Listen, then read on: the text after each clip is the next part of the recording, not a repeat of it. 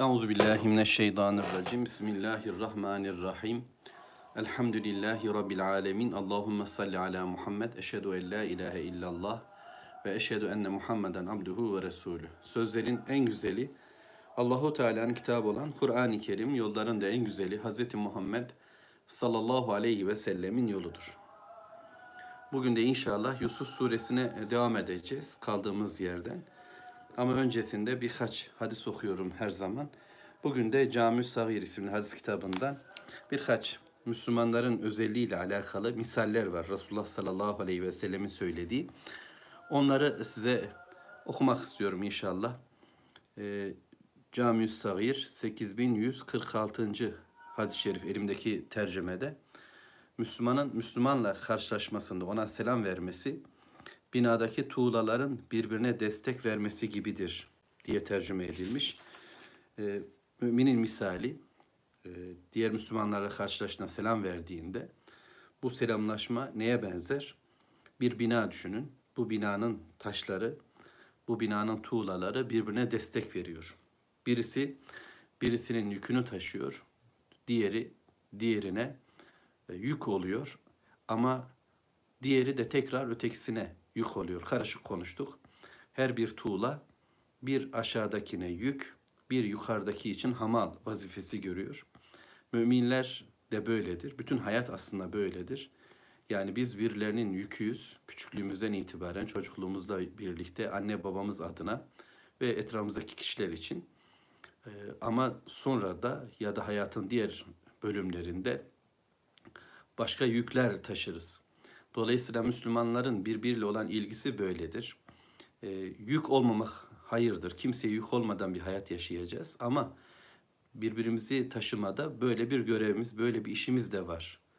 Bunun en önemli örneği de selam olarak Efendimiz sallallahu aleyhi ve sellem ifade etti. Bu dayanışmanın, Müslümanların birbirini taşımasının, e, yük olmak, yüklenmek anlamında ilişkilerde asıl olan selamdır. Dolayısıyla Müslüman evine girdiğinde e, evde kimse yoksa bile selam veriyor. Eşi, çoluk çocuğu varsa onlara selam verecek. Selamla başlayan bir evde kadın, çocuklar bir koca için yüktür. Ama koca çocukları ve hanımı için de yüktür. Çocuklar ana baba için yüktür. Ama çocuklar için de ana baba bir zaman gelir yük olur. Dolayısıyla birbirimizin yüküyüz birbirimizin sorumluluğunu taşıyoruz. Selamla bu işi kolaylaştırıyoruz, esen kılıyoruz. Böyle olacak aramızdaki sevgi, muhabbet. Tabi selam Allahu Teala'nın adı. Dolayısıyla aramızda onun adını, onun istediği selamı, İslam'ı, teslimiyeti böyle dolandırdığımızda, böyle çevirdiğimizde, böyle konuştuğumuzda dil selamete erecek, gönül selamete erecek, zihin selamete erecek. Yani İslam olacağız, teslim olacağız e, ilişkilerde belirleyici Allah olacak. Yani ben Allah adına konuşuyorum. Allah adına dinleyeceğiz. Allah adına oturup kalkıp yatacağız, uyuyacağız, yiyeceğiz, içeceğiz, gidip geleceğiz. E, bütün varlığımız, tek başınalığımız veya hep beraber yaşantımızda belirleyici Allahu Teala olacak. Yani Allah için yaşamaktır bu. İşte müminler böyledirler birbirleriyle olan ilgilerinde. Bunu anlatıyor Peygamber Aleyhisselatü Vesselam bu hadis-i şerifte. Bir hadis daha okuyayım. Mümin bal arısı gibidir. Temiz olan yer, temiz olan üretir diyor Efendimiz sallallahu aleyhi ve sellem'den hadis-i şerif böyle tercüme edilmiş. Bunun biraz daha devamı da var hadis-i şerifin. Mümin bal arısına benziyor. Biliyorsunuz bal arısı kovanından çıktıktan sonra güzel yerler, hoş yerler arar. E, onları koklar, onlar üzerine konar. Onlardan alır. Onlarla beslenir ve onları taşır, onları getirir ve onları bırakır ve şifa olacak bir bal üretilir. Yani yediği onun güzeldir, hoştur, dayiptir ve bıraktığı da öyle hoştur, güzeldir. Böyle bir helal hayatı sanki Allahu Teala'nın elçisi bize örnek olarak sundu. Diğer börtü böcek olur olmaz şeye de konacak ama arada bir farklılık var.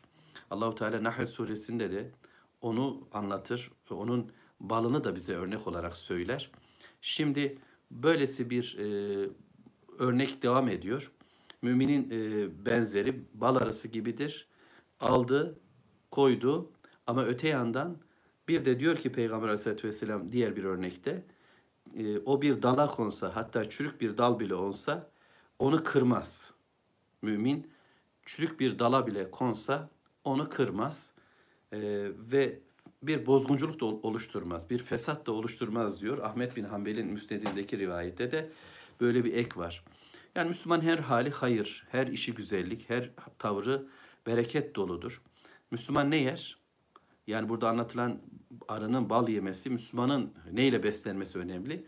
Ee, Müslüman Kur'an'la beslenir, hadis-i şeriflerle beslenir.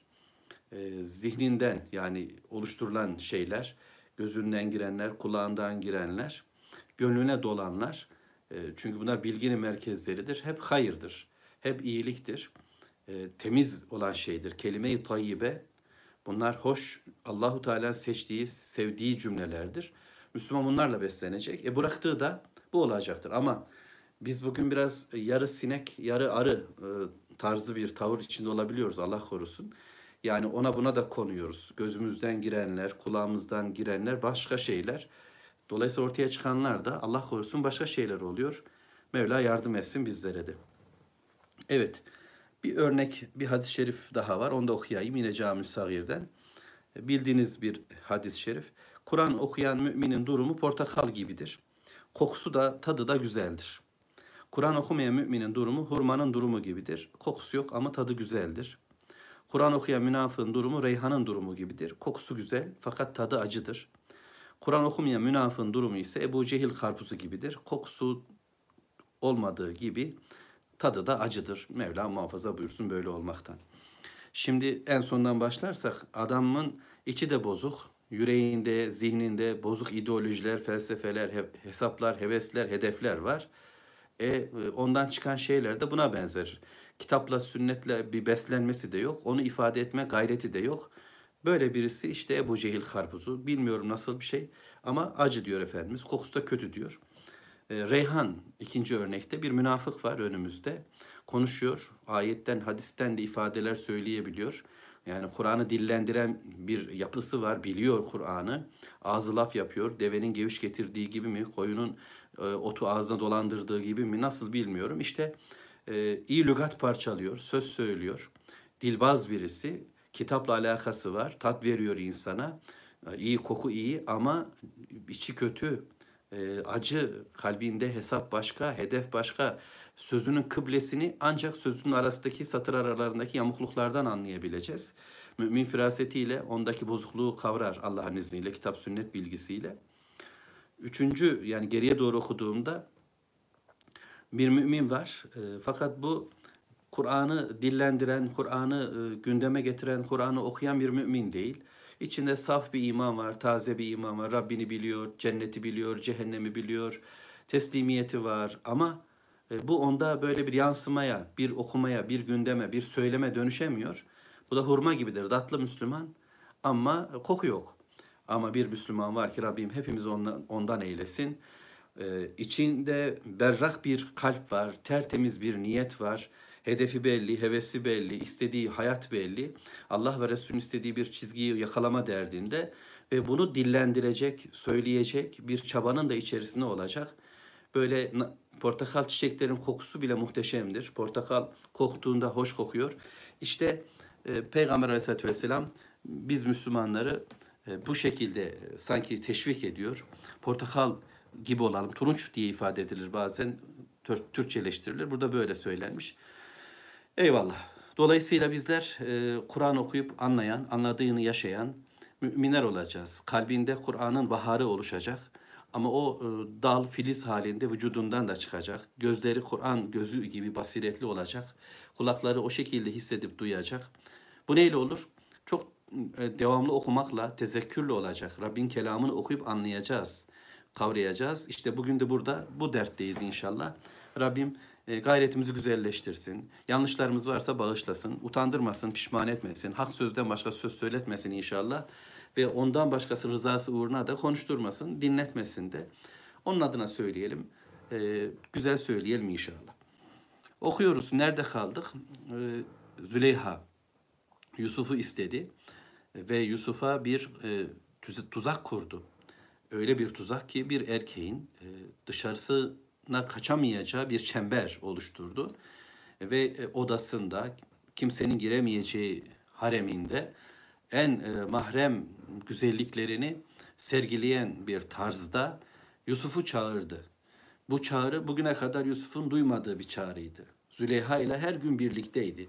Züleyha onu her gün bir şeyler için çağırıyordu. Onunla yaşıyordu, onunla hemhaldi. Ama bugün Züleyha bir başkaydı. Günlerdir, yıllardır içinde taşıdığı heves, arzu, şehvet, şimdi artık freni patlamış bir kamyon gibi dışarı taştı, yapacak bir şey yoktu. Yusuf'a zaten aşık olmayan yok. Yusuf'u zaten sevmeyen yok. Yusuf'u bir tek kardeşleri sevmedi. Ve onlardaki sevgisizlik ters bir istikamette intikama dönüştü. Ama kervancılar da ona tutuldu. Köle pazarı da ona tutuldu. Potifar da ona tutuldu. Vezir de o yani. Ve şimdi karısı da zaten Yakup Aleyhisselam perperişan bekliyor Kenan'da. Ve bu kadın Yusuf'a baktı. Yusuf'u sevdi. Yusuf'a aşık oldu ama baktığı yer Yusuf'un kabuğuydu. Ve Yusuf'un dışına takıldı. içine bakmadı, içine anlamadı, bilemedi. Zaman alacak. Onun da bilmesi belki. Bu iş böyle. İnsanlar e, çemberi zor geçebilirler bazen. Yusuf'un bu güzelliğine, bu erkeksi tavrına e, vuruldu ve bu noktada kadın artık zaten kutsalı yok. Biliyorsunuz geçen derste söylemeye çalıştım. Şirk sistemleri insana dayalı sistemlerdir ve kutsalları yoktur. Yani e, şirk sistemi nasıl? İnsan merkezlidir. İnsanlar ayarlar. Put adına konuşulur. Put adına ayarlar verilir. Eğitim putu adına bir şeyler söylenir. Eğlence putu adına bir şeyler söylenir. E, ve bunun adına konuşan da birileri vardır. Her putun ardında bir tağut bekler. O söyler, diğerleri dinler. E, Züleyha da zaten yetkili, etkili bir noktada. Yani putu oluşturmak onun elinde. Onunla alakalı ritüelleri, törenleri, eylemleri planlamak, yasakları, helal ve haramları belirlemek de onun hakkı. Yani şöyle bir yasa çıkarabilir hemen e, meclis e, o günkü Yusuf'un yaşadığı ülkede e, diyebilir ki işte asilzadeler köleleriyle birlikte olabilir filan gibi bir kural çıkartıp bu onlar için e, mahrem bir macera olmaktan çıkar, yasal bir ilişki haline bile getirilebilir.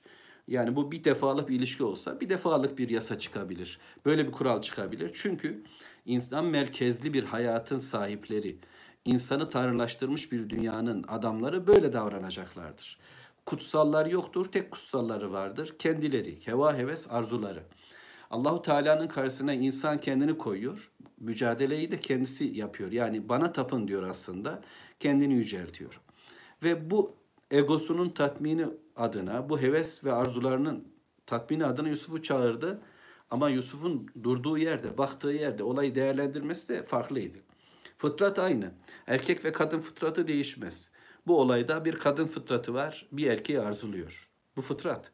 Bu olayda bir erkek var, bir kadın var, onu arzuluyor. Bu da fıtrat. Yani bunu reddedemeyiz. Bunu kim reddederse, bu olmaz, nasıl olur bu derse anlamıyordur. Hayatı da anlamıyordur, insanlığı da anlamıyordur. Kadın erkeği, erkek kadını arzulayacak. Allahu Teala buna bir helal çizgi getirmiştir. Buna nikah deriz. Şimdi Züleyha'daki problem ya da bu zihniyetteki problem şu. Allahu Teala'nın koyduğu helal çizgileri yok sayıp onun yerine haram olanı meşru görme çabasıdır. Değilse ne kalbe karşı tavrımız olabilir. Sevgi denen şey ayrı bir durumdur. Ee, bunu e, kötüleme imkanımız da olamaz. Bu kalptir, ne tarafa akacağı da karışıktır. Heva hevesler de böyledir. Ama arzularımıza gen vuran, kalbimizdeki eğilimleri eğiten Rabbimize bağlılığımız ya da putlara bağlılığımızdır. Eğer Rabbimize bağlıysak, Allah birdir diyorsak, kalbimde Allah hakimdir. Çünkü vücudun içerisinde bir kalp vardır ve bu kalbin de tek sahibi Allahu Teala'dır. Onun sev dedikleri sevilir, onun nefret et dedikleri, kız dediklerine kızılır. Bu böyledir. Eğer Allahu Teala ile birlikte başkaları da kalbe hükümran oluyorsa o zaman bu zaten parçalanmış bir benlik demektir. Keyfine göre yaşamaktadır. Şirkte böyle oluşur ve her tarafından necaset akar, pislik akar. Çözümü de ancak temizliği de ancak İslam'la olacaktır. Uzattık. Düzeltelim, devam edelim, hızlanalım. Yani ben güya geçen haftayı hatırlatmaya çalışıyorum. Böylece Yusuf Aleyhisselam kaçtı. Çünkü o haramı gördü, yasağı gördü, mümin bakışıyla baktı. Değilse onun da vücudu yani bedeni, erkekliği Yusuf'un erkekliği Züleyha'nın kadınlığını istedi. Nasıl ki Züleyha'nın kadınlığı Yusuf'un erkekliğini istediyse. Fakat Yusuf'a hakim olan Rabbimiz o Allahu Teala'nın ayetlerini, burhanını gördü ve bunun haram olduğunu bildi. Allahu Teala yasağını anladı ki bilirdi ama belki hani nefsin, arzuların, heva hevesin bir buğusu, bir kaosu, anaforu var. Oradan hemen fırttı, kaçtı ve Yusuf Aleyhisselam kapıları açarak gitmek istedi. Fakat kadın gömleği yırttı. Kapının karşısı yanında kocayla karşılaştılar. Yusuf'un efendisi ve kadının da efendisi durumunda olan. Çünkü koca hanımının efendisi pozisyondadır ve bu ayetler bize bunu da hatırlatıyor. Kadın hemen e, plağı değiştirdi, ayağı değiştirdi, ağzı değiştirdi. Nasıl da çarçabuk böyle bir kıvraklıkla işin içine girdi. Dedi böyle böyle yapanın cezası nedir? Senin hanımına saldıranın, taciz edenin cezası nedir? Onu işkenceyle işte perişan et ya da onu hapse at filan dedi. Öldür de diyemedi. Çünkü sevgisi çok, onun yok olmasını istemiyor. Fakat içinde bulunduğu konumun da oluşturduğu bir durum var. Onu da terk etmeye yanaşmıyor. Adam şaşkın ne yapacağını bilemedi ama bir şahit bir şehadette bulundu. Konuştuk ve e, gömlek dedi. Gömlek dedi. Yusuf'un gömleği dedi. Yusuf'un gömleğine bir daha dikkat çekildi bu surede. Bakılacak önden yırtıldıysa kadın haklı olacak ama arkadan yırtıldıysa Yusuf haklı olacaktı. Bakıldı gömlek böyleydi. Yusuf haklı, kadın haksızdı. Şimdi vezir ne yapmalı? Bir tarafta yani bütün Mısır'ın saygı duyduğu e, eşi var ki bir bakıma Mısır'ın en önemli hanımlarından hani ne deniyor bugünkü kavramla first lady falan deniliyor. Böyle bir yapı. E, şimdi onun aşağılanması demek kendinin de aşağılanması anlamına gelecek. Ama bir tarafta masum bir delikanlı Yusuf'u çok seviyor. Onun dürüstlüğüne, güvenilirliğine hiçbir kuşkusu yok. Ama dedi ki ey Yusuf sen yüzünü çevir bundan. Vazgeç bu işi kapat hadi oğlum yürü. Kadın sen de günahlarından tövbe et, af dile, bağışlanma dile dedi ve güya konuyu kapattı. Fakat kapanmaz bu konular. Neden kapanmaz? İki şekilde kapanmaz. Hani bir ne derler? Yerin kulağı var anlamına gelir. Ve zaten e, artık üç kişinin artık o şahit de, de kabul edeceksek, onu taşıyan kişiyi de kabul edeceksek belki dört kişi olacak. Bunun getirdiği konuşmalar var. Bununla beraber aktarımlar olacak. Yusuf konuşmayacak. Muhtemel ki vezir de konuşmayı hiç istemeyecek. Ama diğerlerinden de sesler ve sözler çıkabilecek. Ancak asıl konu galiba şöyle. Züleyha reddedilmiş bir aşık pozisyonunda şimdi hem de kölesi tarafından reddedildi. Onur kırıcı bir durum. Güzel bir kadın. Bütün Mısır erkeklerinin hayran olabileceği nitelikte bir kadın ve reddediliyor. Hem de kendisi arz ettiği halde. Peşinden birileri koşsa o onlara böyle meylese etmese filan ama öyle değil. O Yusuf'u istedi ve Yusuf onu reddetti. Ve bu onun pozisyonu kocasının gözüne de düşürdü. Birkaç yenilgi birden alan Züleyha'nın artık e, daha bir saldırgan, daha bir e, hoyrat ve daha tutarsız hareket ettiğini düşünebiliriz. Ve Yusuf'u elde edebilmek adına değişik ortamlarda, değişik şekillerde hareket etmeye başladı, açık verdi. Evvelden bu tavırlarını gizleyebiliyordu. Daha akıllı, daha tuzakları sağlam işler yapabiliyor. Kendini saklayarak bu sevgisini değişik şekillerde ısrar edebiliyordu. Ama şimdi daha savunmasız, daha açık verici bir tavır içindeydi. Ve böylece bütün saray duydu. Yani yaşadıkları ev ve sonra Mısır. Mısır'ın özellikle konuşan hanımları var. Tarlalarda, pamuk tarlalarında konuşanlar değil. Balıkla uğraşan garibanlar değil. Dükkanlarda, tezgahlarda akşama kadar hani anaları ağlayan kimseler değil. Ya Mısır'ın başka bir tabakası var. Kur'an buna Diyor ki nisvetun fil medineti imraetül azizi turavidu fetaha. Ayet yarım okudum. Gözümüzde düzeltelim şöyle. Ve kâle nisvetun fil medineti imraetül azizi turavidu fetaha an nefsi gad şegafeha hubba. İnna lenaraha fi dalalim mübin. Böyle söyledi. Kadınlar. Bakalım şimdi ayet-i kerimeye. Ayet 30 Yusuf suresi. Kadınlar şehrin kadınları, bütün bürokrasinin kadınları, teknokratların, aristokratların kadınları, din adamlarının kadınları, şairlerin, yazarların, film artistlerinin kendileri hanımları. Yani ülke yönetiminde söz sahibi, etkili yetkili jet sosyetenin elemanları bu tür kadınlar, şehrin kadınları. Şehir insanı biraz da yani daha boş konuşmalara münasip, magazin haberlere, liderleri ve onlarla birlikte olanların yaptıklarına daha bir teşne, onlara daha yakın, onlara kulak vermeleri, onları dillerine dolamaları daha çok. İnsanlar yukarıdakileri konuşuyorlar. Hele bunlar daha yukarıya yakınsa, yani kendi kocaları da bu vezirin durduğu yere durabilecekse, kendileri o vezirin karısının çıktığı ortama, makama çıkabileceklerse, her birinin o tür hesapları varsa, Züleyha'nın düşüşü onların çıkışı anlamına gelecekse konuşacaklar. Yani başka türlü de konuşacaklar. Böylesi enteresan bir haber. Kölesiyle aşk hayatı yaşamaya kalkan bir kadının, bir vezir hanımının hikayesi elbette tatlı bir hikaye. Bunu konuşmak isteyecekler. Ama bundan gayrı bir de böyle alt bir hesap da olabilir. Yukarıya doğru tırmanma. Oysa bilmiyorlar ki eğer düşürürlerse kendileri de düşerler. Çünkü bir ülkenin yukarısından itibaren düşüşler başladıysa, ahlak seviyesi aşağıya doğru indiyse, kadınları bozulmuş, erkekleri soytarı olmuşsa o ülke, o memleket insanları için de durum pek iç açıcı değildir.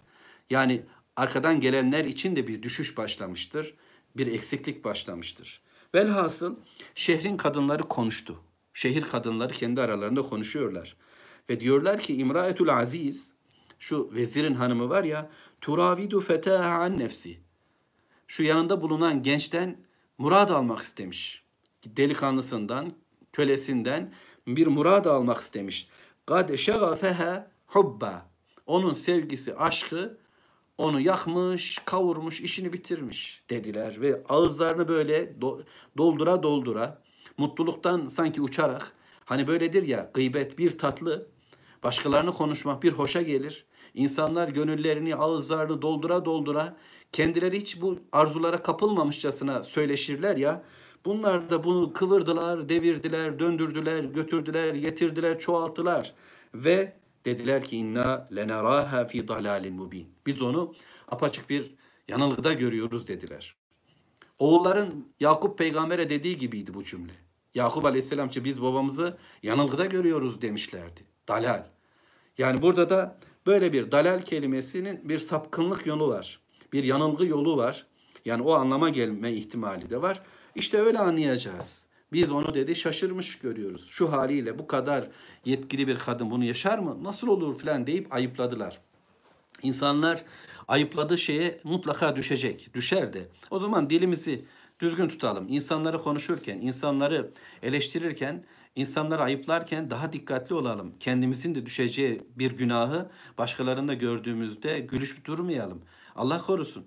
Yani her birimizin yapacağı bir hatadır. Yani insanların işte burnundan bir şeyler olabilir, kulağından bir şeyler, bir görüntü problemi olabilir, bir düğmeyi yanlış ilikleyebiliriz, bir konuşmada kelimeler yanlış yerlere kayabilir, cümleler farklı farklı çıkabilir. Sonra insanlar gülüşürler.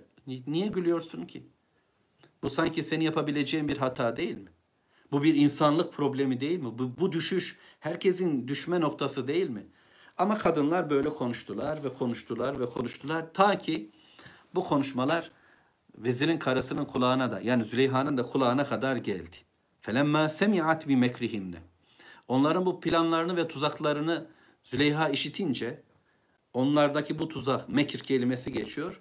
Biraz önce e, Züleyha'ya kocası demişti ki innahu min kaydikun ey kadınlar demişti. Bu sizin tuzağınız. İnne kaydekun azim. Siz kadınların tuzağı çok sağlamdır demişti vezir hanımına.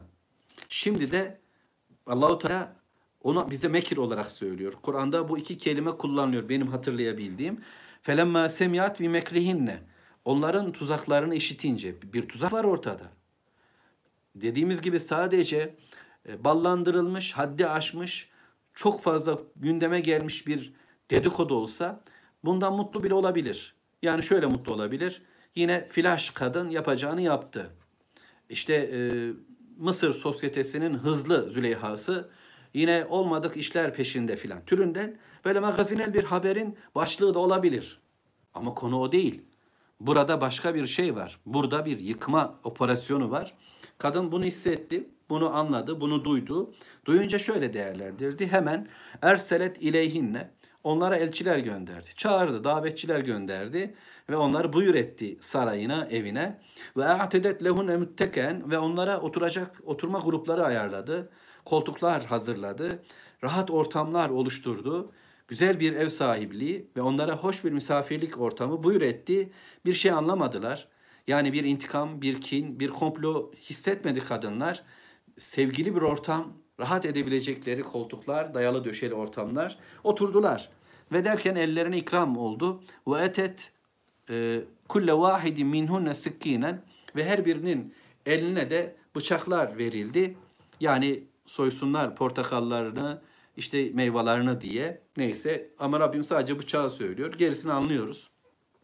Ellerinde bıçak var ve bir şeyler yiyecekler anlaşılan. Bu tür bir ikram hazırlığından sonra millet daldı. Şimdi burayı biz kendi zihnimizden doldurmaya çalışıyoruz olayı. Herkes ikili üçlü sohbetler yapıyor. Tabi merak had safhada olmalı. İçeri girdikleri andan itibaren acaba Züleyha'nın gönlünü çelen delikanlı kim?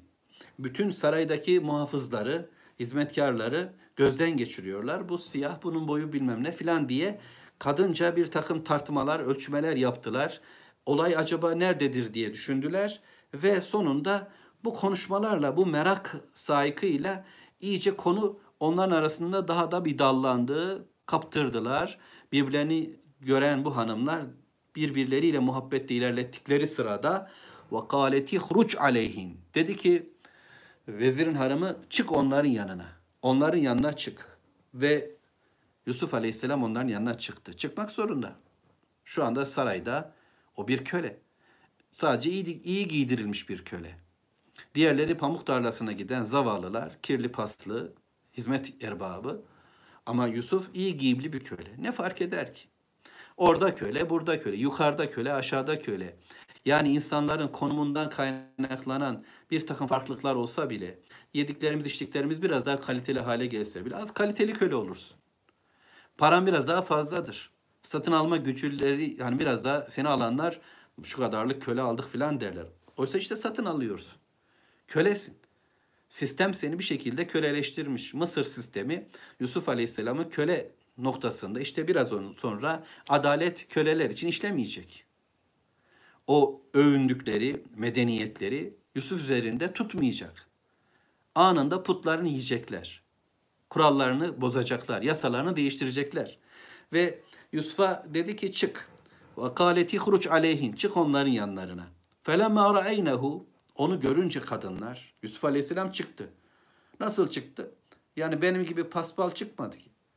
Ya Yusuf Aleyhisselam üzerindeki kıyafetler güzeldi. Zaten kendisi muhteşem. Allahu Teala'nın peygamberlik verdiği birisi. Yüzünde nurlar var. Allahu Teala bu şekilde onu imtihan ediyor.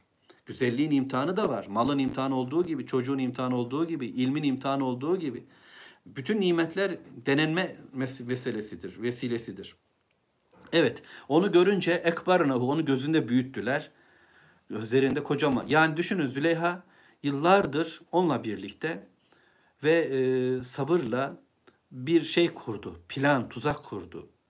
Yani kadın e, belli bir noktada hemen isteklerini yerine getirmek için çabalamadı.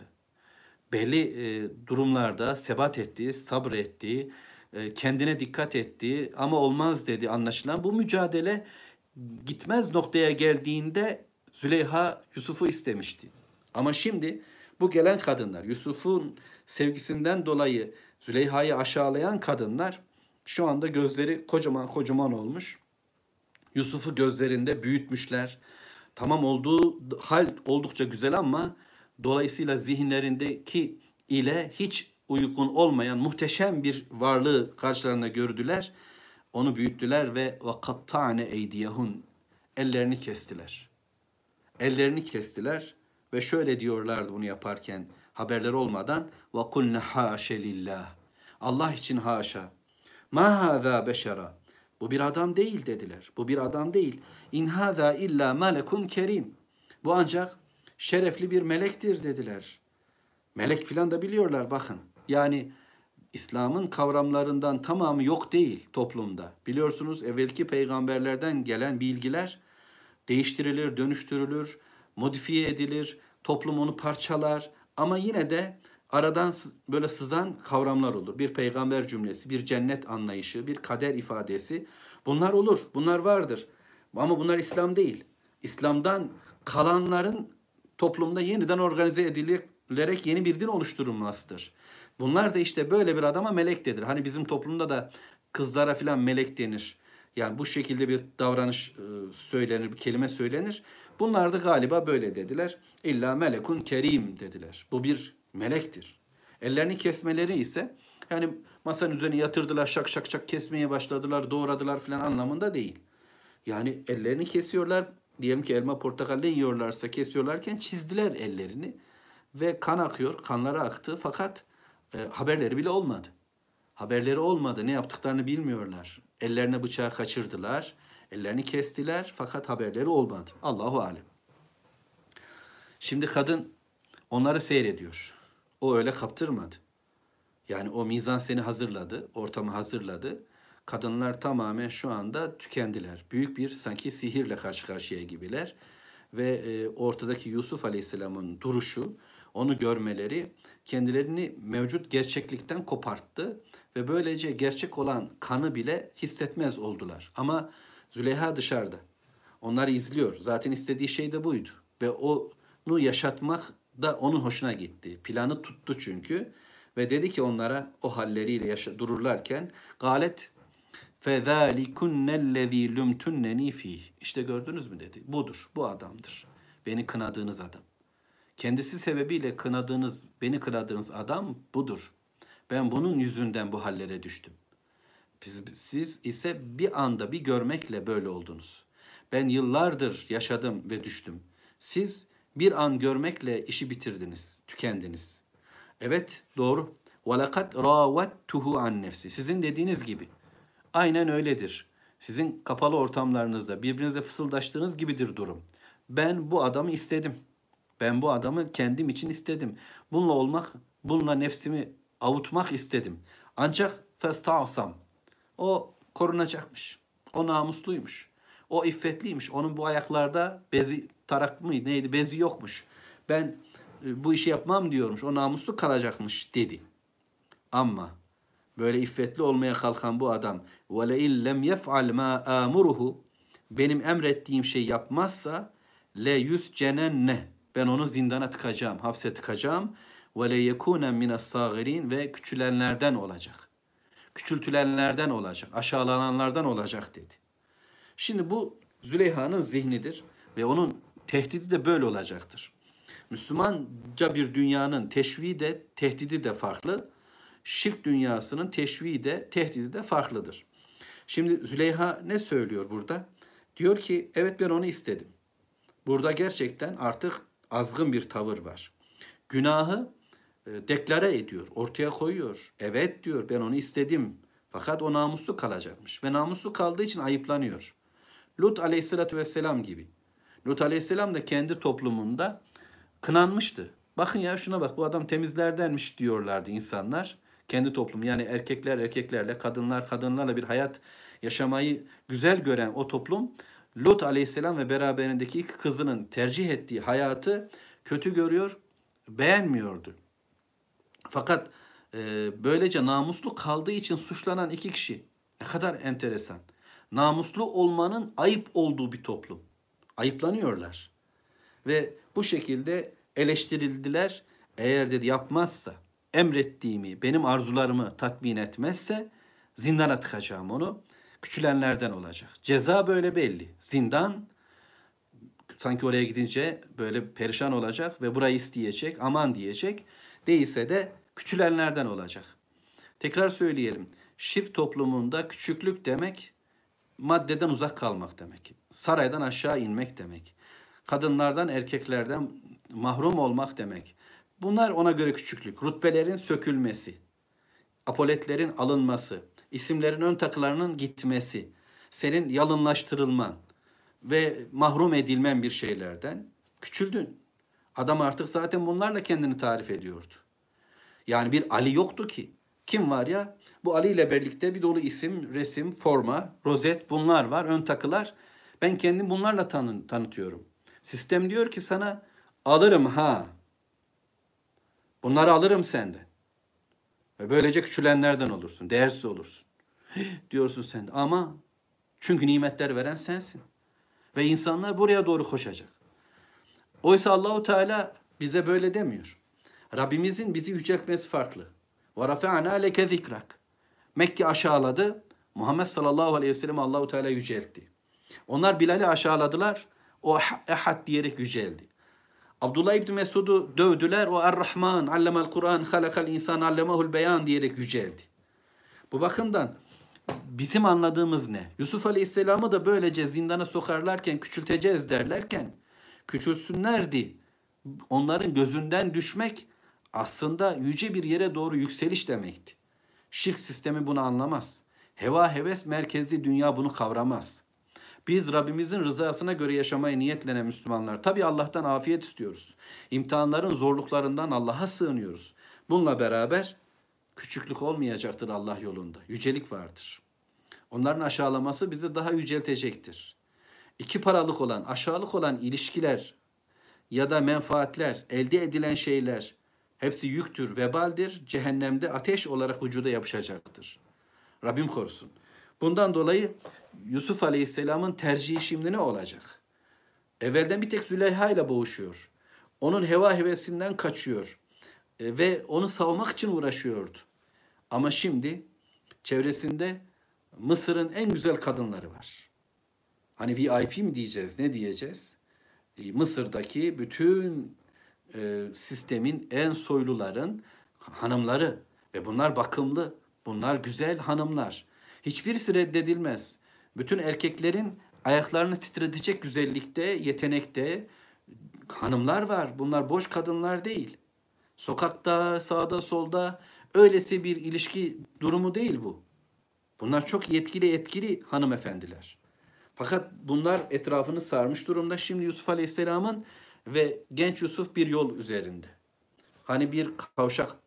Ya onların dediği gibi olacak ve tarihin çöplüğünde unutulmuş bir erkek güzeli olarak kalıp gidecek. Ya da çünkü onun gibisi çok. Ya da başka bir yol bulacak. Ve o artık kendinin tükendiği noktada ki bütün zamanlarımızda Rabbimize dua ediyoruz. Başta ve sonda dua Allah'adır. Bütünüyle hamd O'nadır. Bütünüyle yardım isteği O'ndandır. İyyâka na'budu ve iyyâka nesta'in. İşin başından sonunda hep yardım O'ndan istiyoruz. Gücüm varken de gücüm yokken de sağlamken de hastayken de her hal üzereyken Allah'tan yardım istemekteyiz ama Yusuf Aleyhisselam özellikle burada şimdi sanki çığlık çığlığa şu duayı yaptı. Rabbi sicnu ahabbu ileyye mimma yed'uneni ileyh. Ya Rabbi onların beni çağırdığı, davet ettiği şu kirli dünya dan zindan benim için daha hayırlıdır. Zindan bunların çağırdıklarından daha hayırlı Allah'ım. Ya Rabbi benim için bu daha sevgilidir. Eğer bir tercih olacaksa burası mı orası mı ya Rabbi zindan dedi. Ben oradaki şerefi istiyorum. Mahkumiyet zor. Mazlumluk zor. Yani kuyu zor. Ama tercih edilecekse eğer tercihim zindandır. Ya Rabbi dedi beni kurtar. Ve illa tasrif anni keydehunne. Eğer bunların kurduğu şu tuzaktan eğer sen beni kurtarmazsan şimdi onlar Züleyha'ya tuzak kurdular. Züleyha onlara mekir kurdu. Ve sonra ikisinin iki grubun birleşmesiyle birlikte Yusuf'un etrafında bir çember, ağır bir tuzak var. Ya Rabbi onların oluşturduğu bu tuzaklar karşısına ben dayanamayacağım ve düşeceğim. Eğer sen beni kurtarmazsan asbu ileyhin ben kayarım, ben düşerim, ben tükenirim. Tutunamam Allah'ım.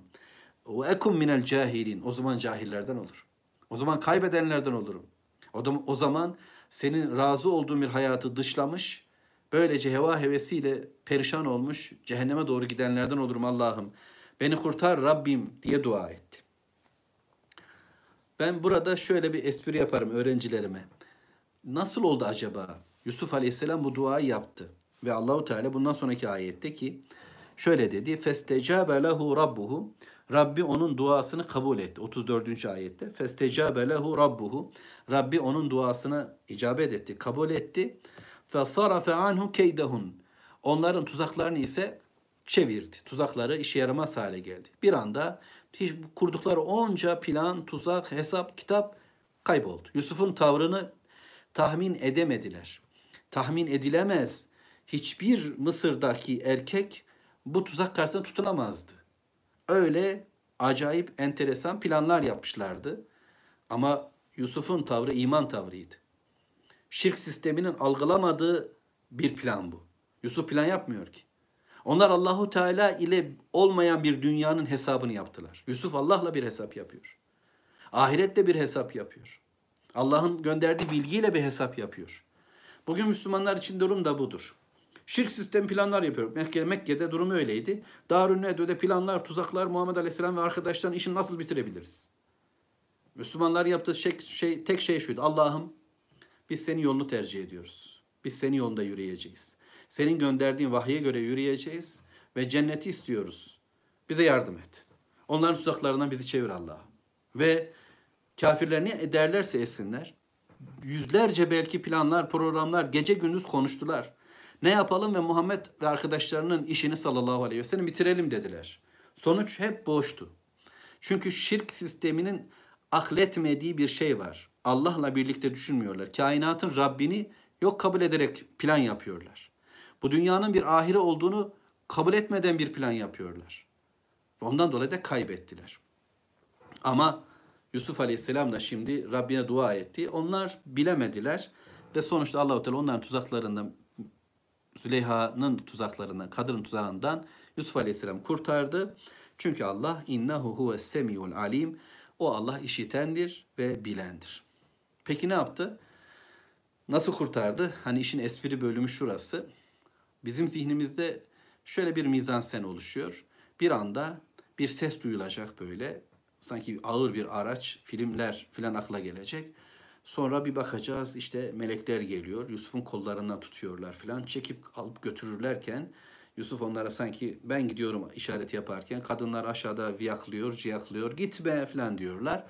Yusuf böyle kurtuldu. Yok. Böyle olmadı. Kurtuluşlarımız da böyle olmayacak. Yani Allah'ım kurtar beni.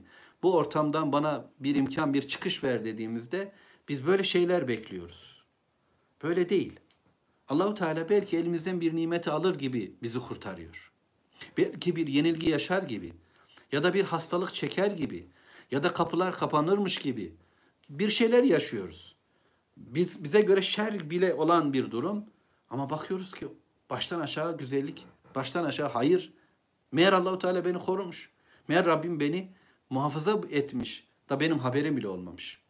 Ben bu duayı yapıyorum. Ya Rabbi beni koru. Allahu Teala beni bir tür koruduğunda farkında olmadığımdan diyorum ki Allah'ım ne bu eziyet ne bu çile filan bir de bundan dertleniyorum.